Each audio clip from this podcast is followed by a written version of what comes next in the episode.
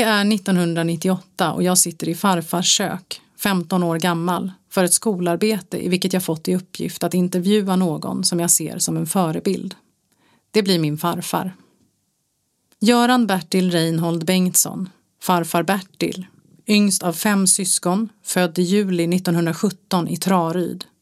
Mamma Hilma och pappa Bengt. Arbetare.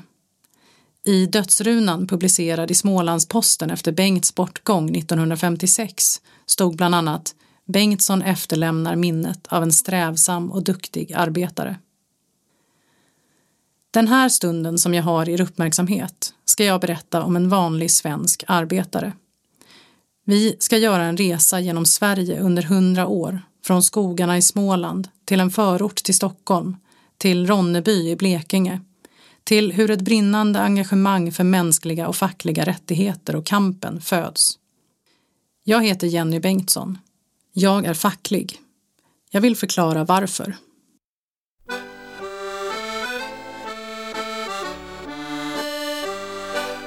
Jag är fattig bonddräng men jag lever ändå Dagar går och kommer medan jag knogar på Harvar, sår och plöjer, mockar, gräver och bär. Går bak mina oxar, hojtar, visslar och svär. Jag är fattig bonddräng och jag tuggar mitt snus. Och när lördagen kommer vill jag ta mig ett rus. Sen när jag blivit livad vill jag tampas och slåss. Vila hos en flicka vill jag också förstås Sen så kommer söndagen och då vill våran präst att jag ska i kyrkan men då sover jag mest. Prästen kan väl sova hela måndagen men för en fattig bonddräng börjar knoget igen.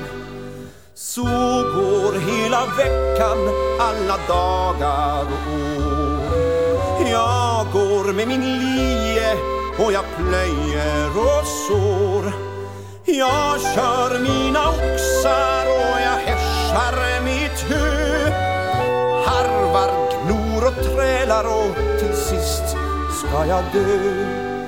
Står där fattig bonddräng invid himmelens port.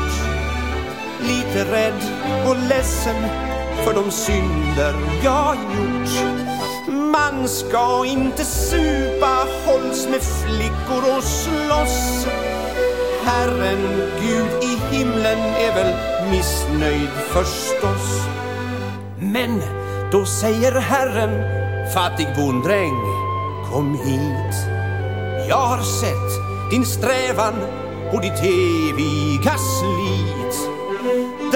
För fattig bonddräng, är du välkommen här.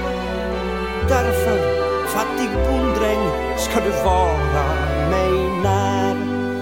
Och jag, fattig bonddräng, står så still inför Gud och sen klär han på mig den mest snövita skrud Nu du, säger Herren, är ditt arbete slut nu du, fattig bonddräng, nu får du vila ut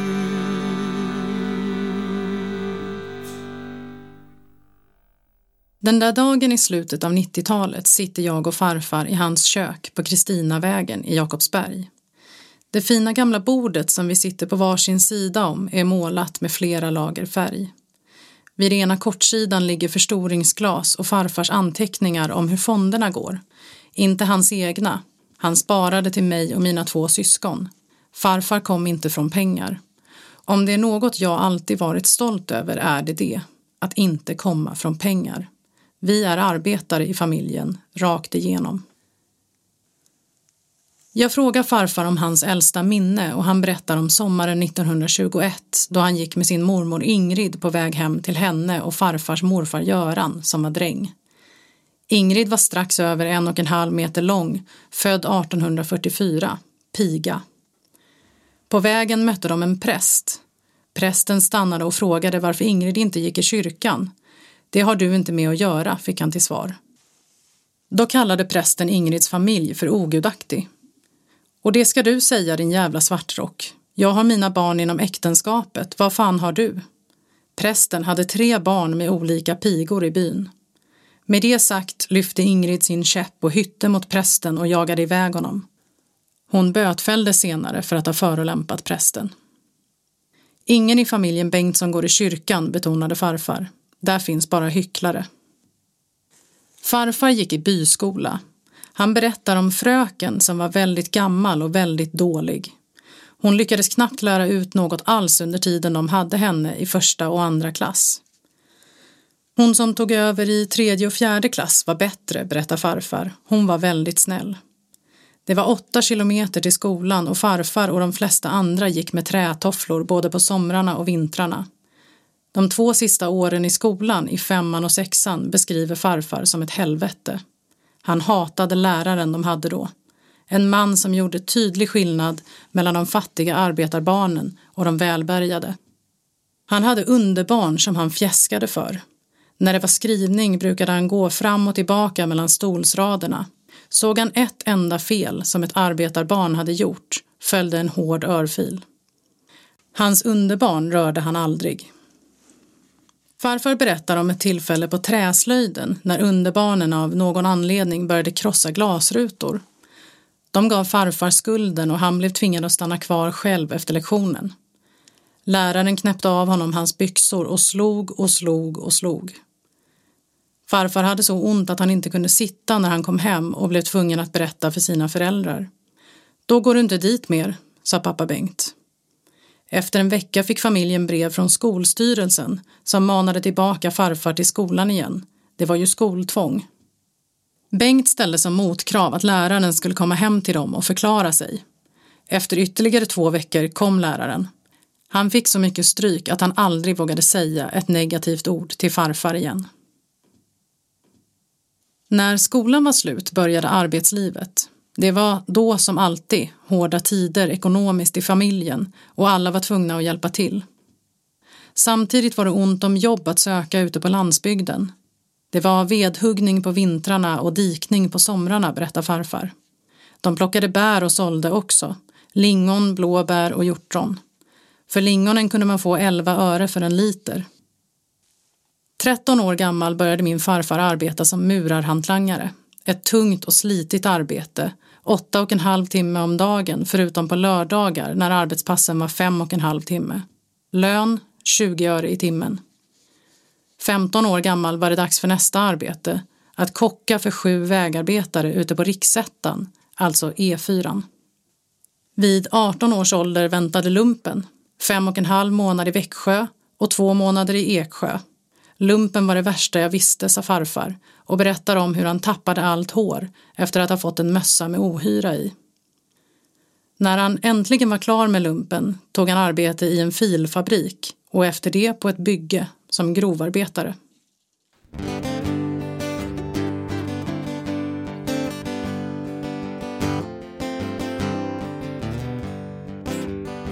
Ja, jag minns det precis som om det var igår jag började nere på sågen.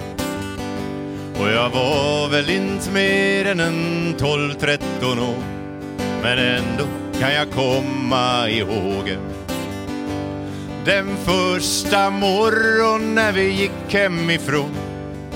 Farsan och jag och vad jag var mån om att visa att jag var en arbetets son och inte längre ett barn. Och vi sjöng arbetets söner för farsan var socialist. Och vägen var lång och vi sjöng den gång på gång. Och så lärde jag mig den till sist. Ja, jag började i Brädgården och där blev jag kvar och så blev det familj att försörja.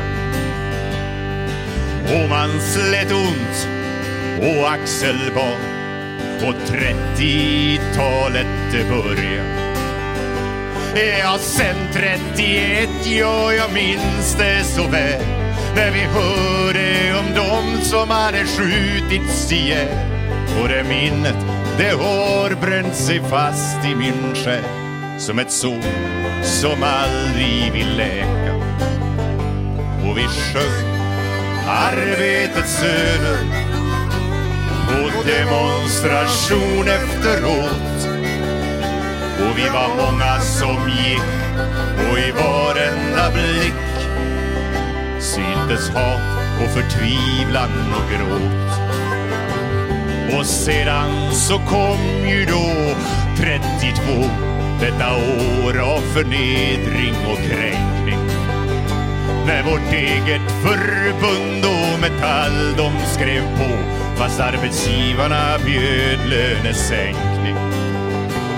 Men pappersledning var mer radikal. Det fick medlemmarna själva göra sitt val. Och enigheten var så gott som total. Och massastrejken den började. Och vi sjöng arbetets söner och stödarbetet tog fart. Och vi var många från sågen som gick med i tågen och som samla in pengar och mat. Men LO gav inte en enda ett öre från kassan. Och ledningen inom transport, ja de svek och de vägra blockad utav massa. Men du skulle varit med då när brytarna kom och vi stod där vid Pitsund och hejdade dem.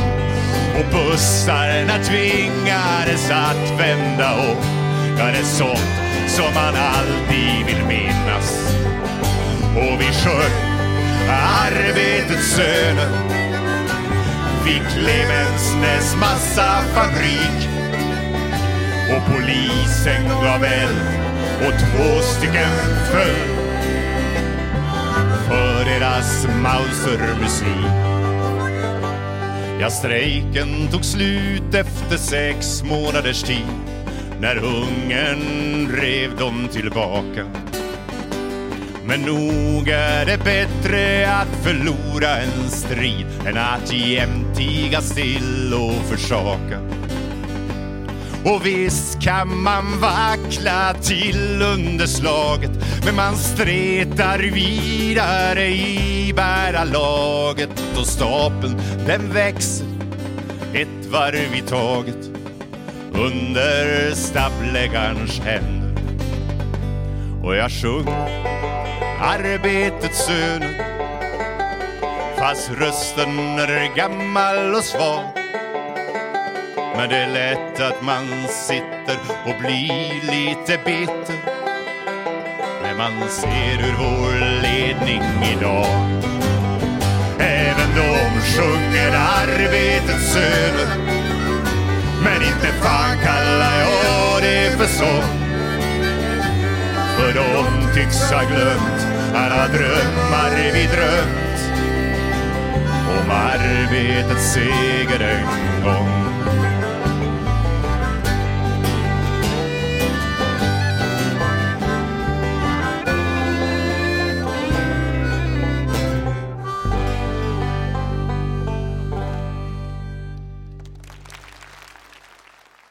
I september 1939 gick tyskarna in i Polen i april 1940 åkte farfar ut i beredskap med armén. Den varade med bara korta avbrott till 1944. Efter beredskapen väntade fortsatt arbete, nu som anläggningsarbetare för Axel Jonssons gods i Västerhaninge utanför Stockholm. Bolaget skickade farfar på jobb i Värmland och sen till Ronneby i Blekinge. Det var där han träffade Halina Maria Antonia Pavlovska, min farmor. Hon kom till Ronneby den 1 april 1945 från koncentrations och arbetslägret Ravensbrück i Tyskland. Fångarna därifrån kom med Folke Bernadotte och Röda Korsets räddningspatrull. De kom i godståg.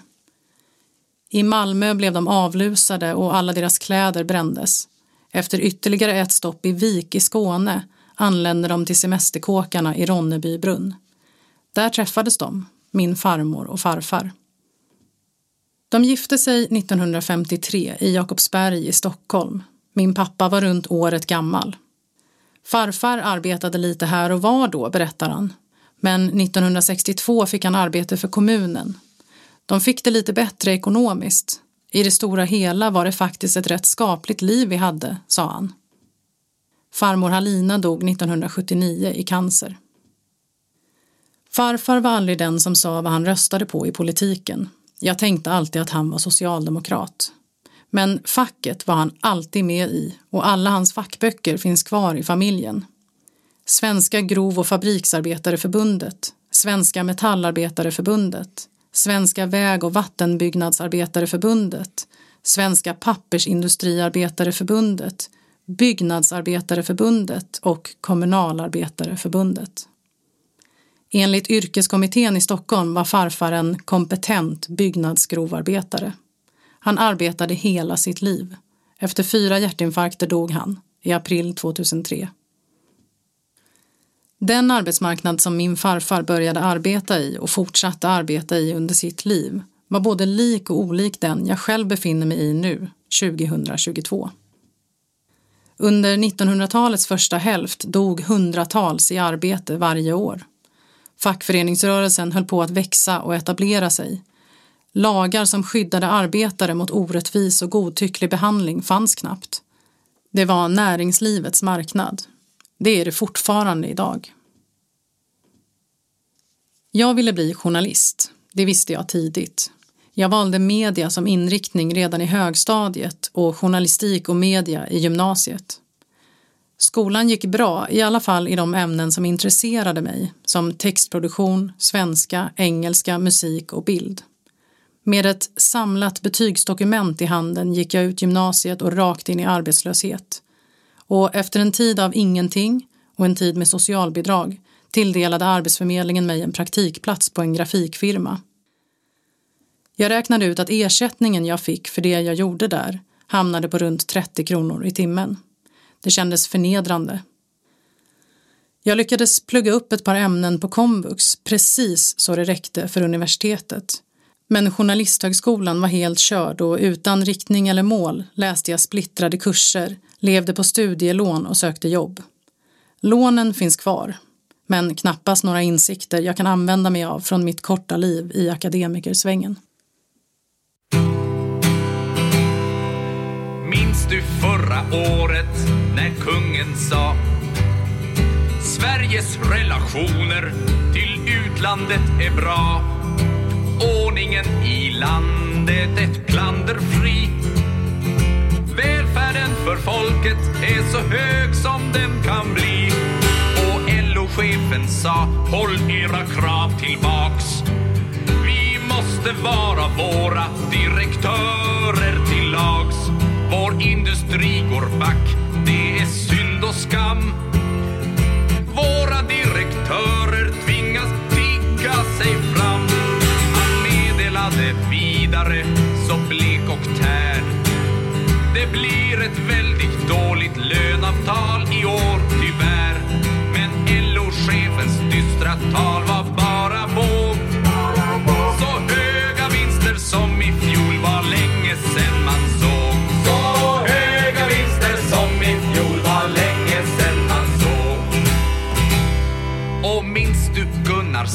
han spekulerade i aktier och herreslott, han investerade. Sen åkte han iväg till kompanjonerna. I Västerås på Arosmässan stod han upp och sa I Sverige jobbar arbetarna utan knyst. En jobbare i Sverige håller takten på en tyst. Till er som platsen, ni som är skägg. Ni bör nog inte yttra er, ni slipslösa drägg. Och alla direktörerna, de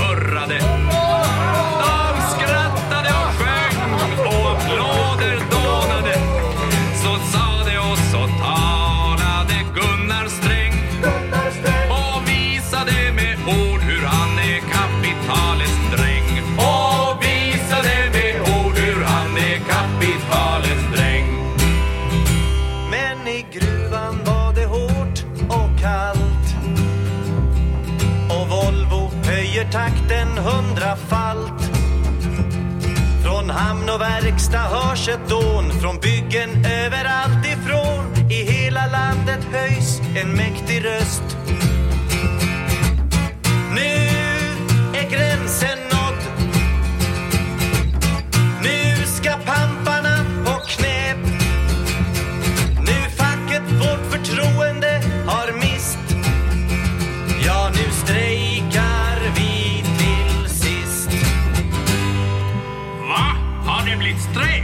Nu blev det fart på sträng. Och fart blev på envojen och på hans rövargäng. Det är olagligt, skrek Geijer. Ni får återgå. Ja, Wallenbergs lakejer hade nu ett fasligt sjå. Som jojon for nu ombudsmännen landet runt. Upp och ner och härs och tvärs, de for och pratade strunt. Åke Nilsson sa,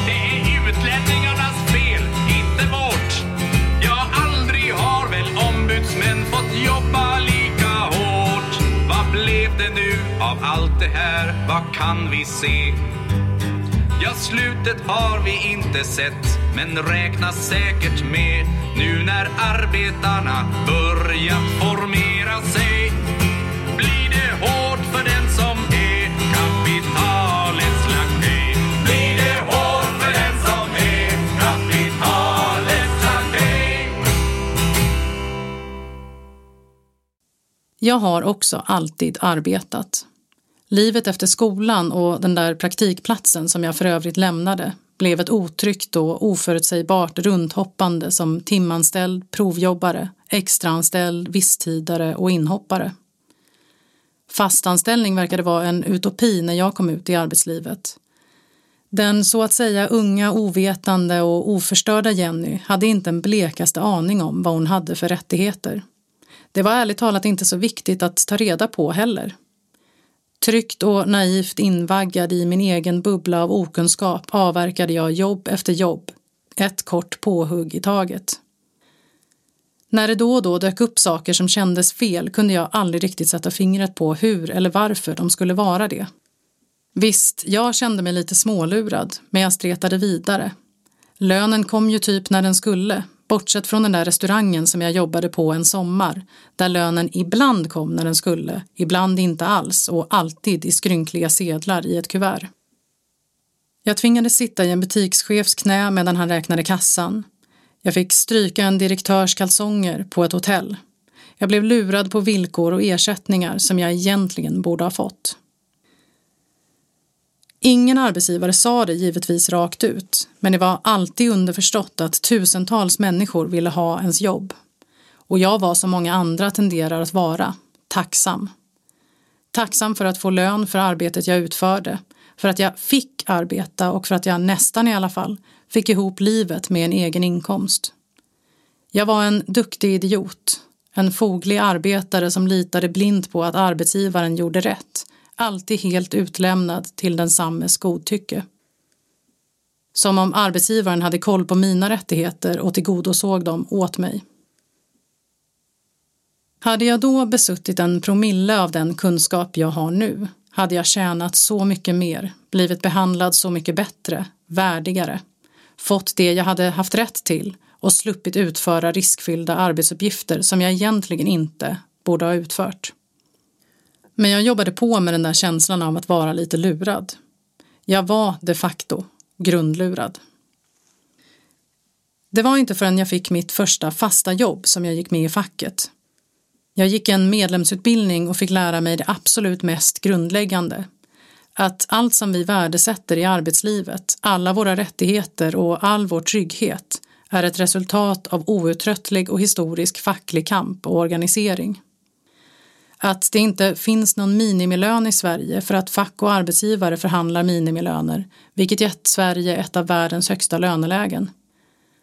Att varenda ersättning jag någonsin haft varit resultat av fackliga krav i första steget och facklig kamp i andra.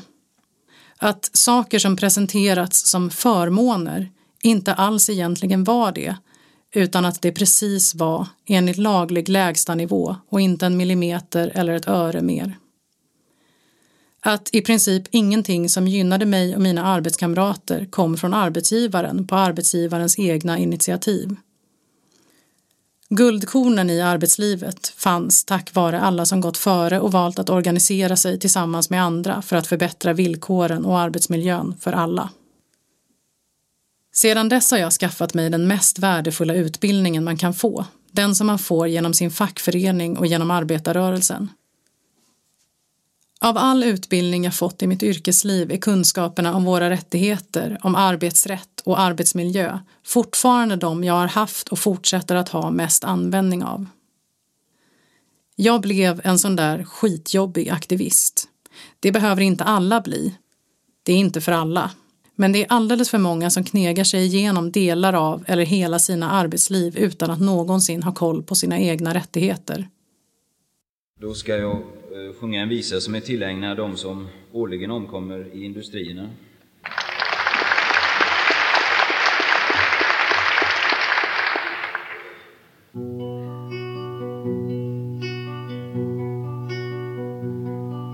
Jag åt min gröt och läste tidningen Tog väskan i min hand och kysste kärringen Djup låg snön och natten såg mitt spår där på vägen som jag traskat fram i tretton långa år. Och denna dag låg vinden på från nord. Vi svetsade på däck 30 meter över jord. Då hörde jag ett dån och någon som skrek Sven! Men allt försvann i blod och eld och det blev natt igen. Så vaknade jag upp i en kista utav gran och tänkte att det här, det liknar ju själva fan. Och kärringen hon grät och var likblek i sin syn medan prästen bad till Herren Gud med näsan sin i skyn. Sen firades jag ner till min enkla lägenhet och börja rulla tummar i min tysta ensamhet. Då var det någon som sa, kamrat och bästa lik, välkommen till de mördades fria republik.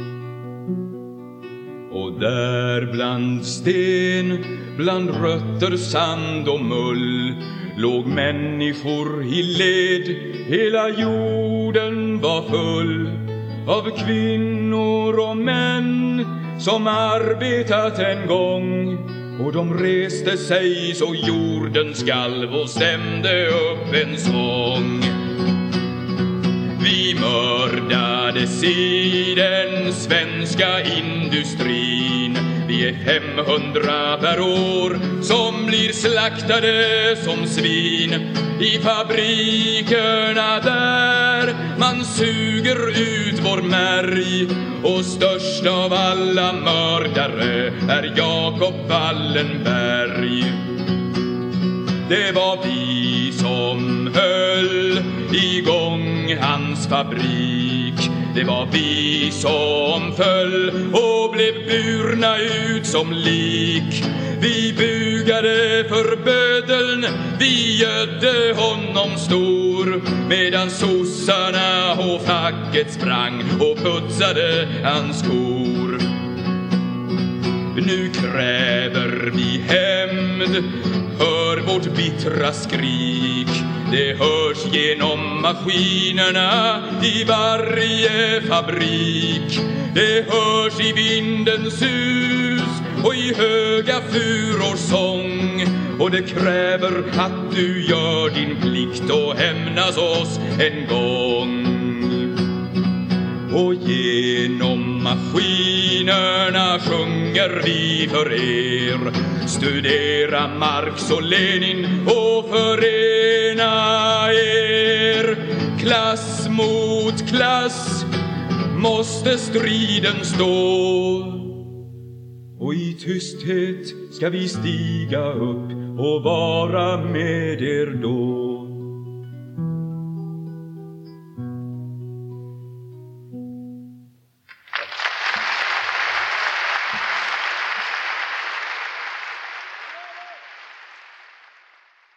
Idag arbetar jag som arbetsmiljöinspektör på Arbetsmiljöverket. Jag är ute och inspekterar arbetsplatser, ställer krav och stoppar sånt arbete som är farligt.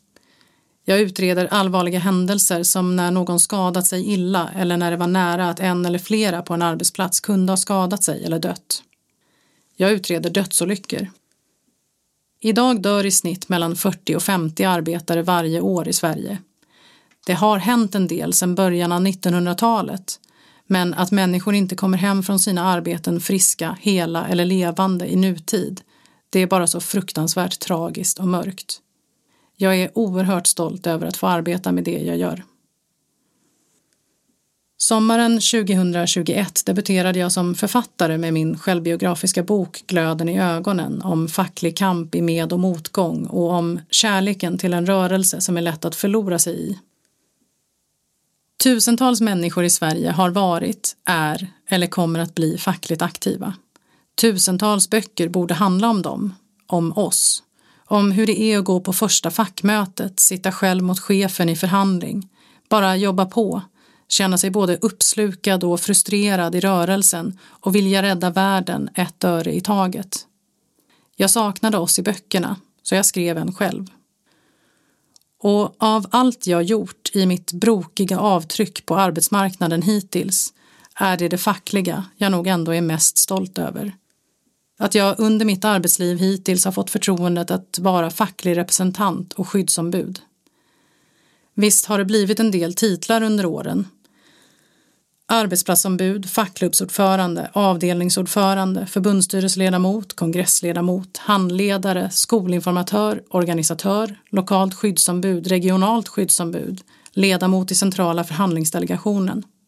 Men grunden, att väljas av arbetskamraterna att stå i spetsen för kampen för ett bättre arbetsliv och ett bättre samhälle, är något av det största och finaste som finns. Det är häftigt och omvälvande och påfrestande och dränerande. För mig är det den finaste formen av klasskamp, att vara facklig. Farfar var alltid medlem i facket. Det kommer jag också att vara. Det är konkret, det är ett ställningstagande, det är solidaritet i praktiken. Kampen på arbetsplatsen är lika viktig nu som då. Sverige är på ett sätt världsunikt när det gäller facklig organisering, så utbredd som den ändå fortfarande är idag trots decennier av fallande organiseringsgrad. Samtidigt är motståndet kännbart, från politiken, från makthavare, näringsliv och arbetsgivare. Från sådana kollegor som klarar sig bättre själva medan de njuter av varenda rättighet som vi fackliga slagits för och vunnit, både nu och historiskt. Från sådana chefer som känner sig hotade eller kränkta av minsta lilla fackliga aktivitet. Det är lätt att vackla. Jag är övertygad om att de flesta som driver på för fackliga rättigheter och bättre arbetsmiljö på sina arbetsplatser misströstar ibland. Kampen är inte på något sätt skonsam. Om alla år som facklig medlem, företrädare och skyddsombud har lärt mig något är det att aldrig ta rätten att organisera sig fackligt för given. Och om alla otaliga gånger jag fått äran att företräda medlemmar och kollegor som hamnat i knipa, behandlats illa eller behövt arbetsmiljöåtgärder har lärt mig något, är det att inte heller ta mina fackligt aktiva kamrater för givna. Jag håller ett gammalt nött svartvitt fotografi framför mig. Taget under ett arbetspass syns farfar och sex arbetskamrater sitta vid Sundbybergs station Kvartsdammet ligger tätt över stövlar, hud och kläder. Farfars kropp var sargad av det tunga arbete han utförde under sitt arbetsliv. Min kropp bär också sviter av bristande arbetsmiljö i det arbete jag utfört under mitt. Det här är en påminnelse om att vi faktiskt aldrig fått något gratis. Inte en tillstymmelse till rätt, inte en millimeter makt och inte en enda rimlig chans till drägliga villkor och bra arbetsmiljö har vi fått utan att behöva kämpa för dem. Ingen kan göra allt, men alla kan göra något. Det börjar med en själv, de egna rättigheterna och det egna engagemanget. Varför man måste ta kampen och våga stå upp för vad som är rätt är enkelt. Det finns inget alternativ.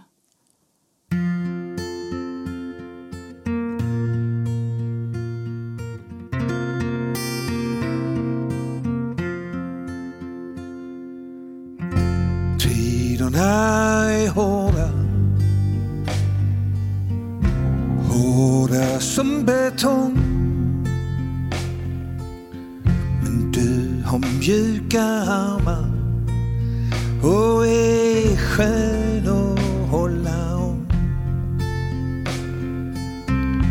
Tiderna är kalla som en uteliggarnatt Du har varma läppar som lockar mig till skratt.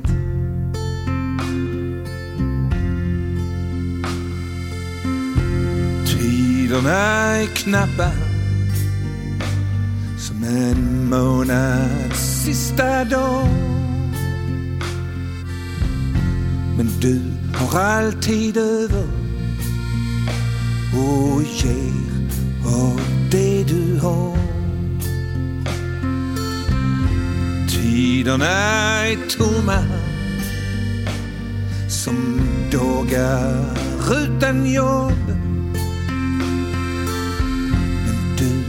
Full av tillförsikt och vägrar att ge upp.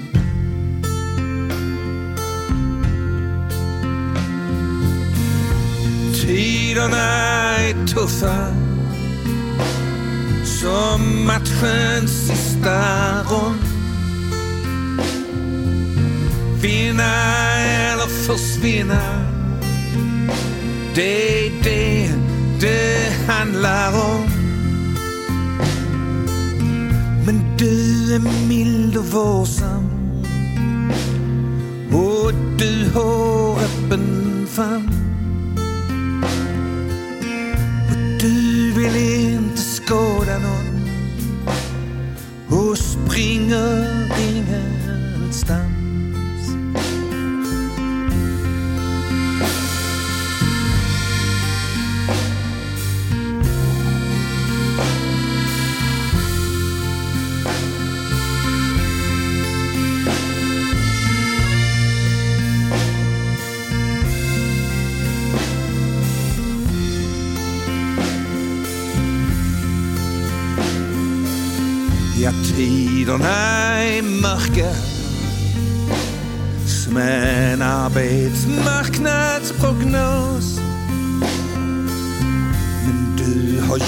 Ljusa ögon som ser och som förstår.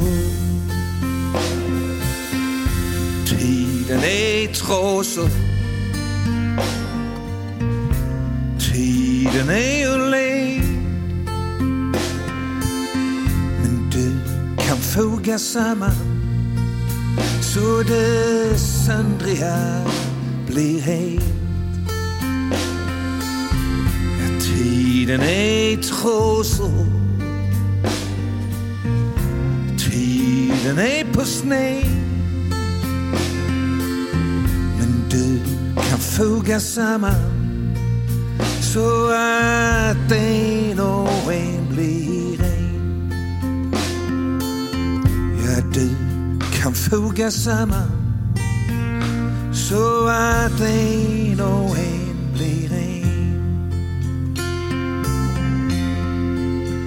Så att en och en blir en.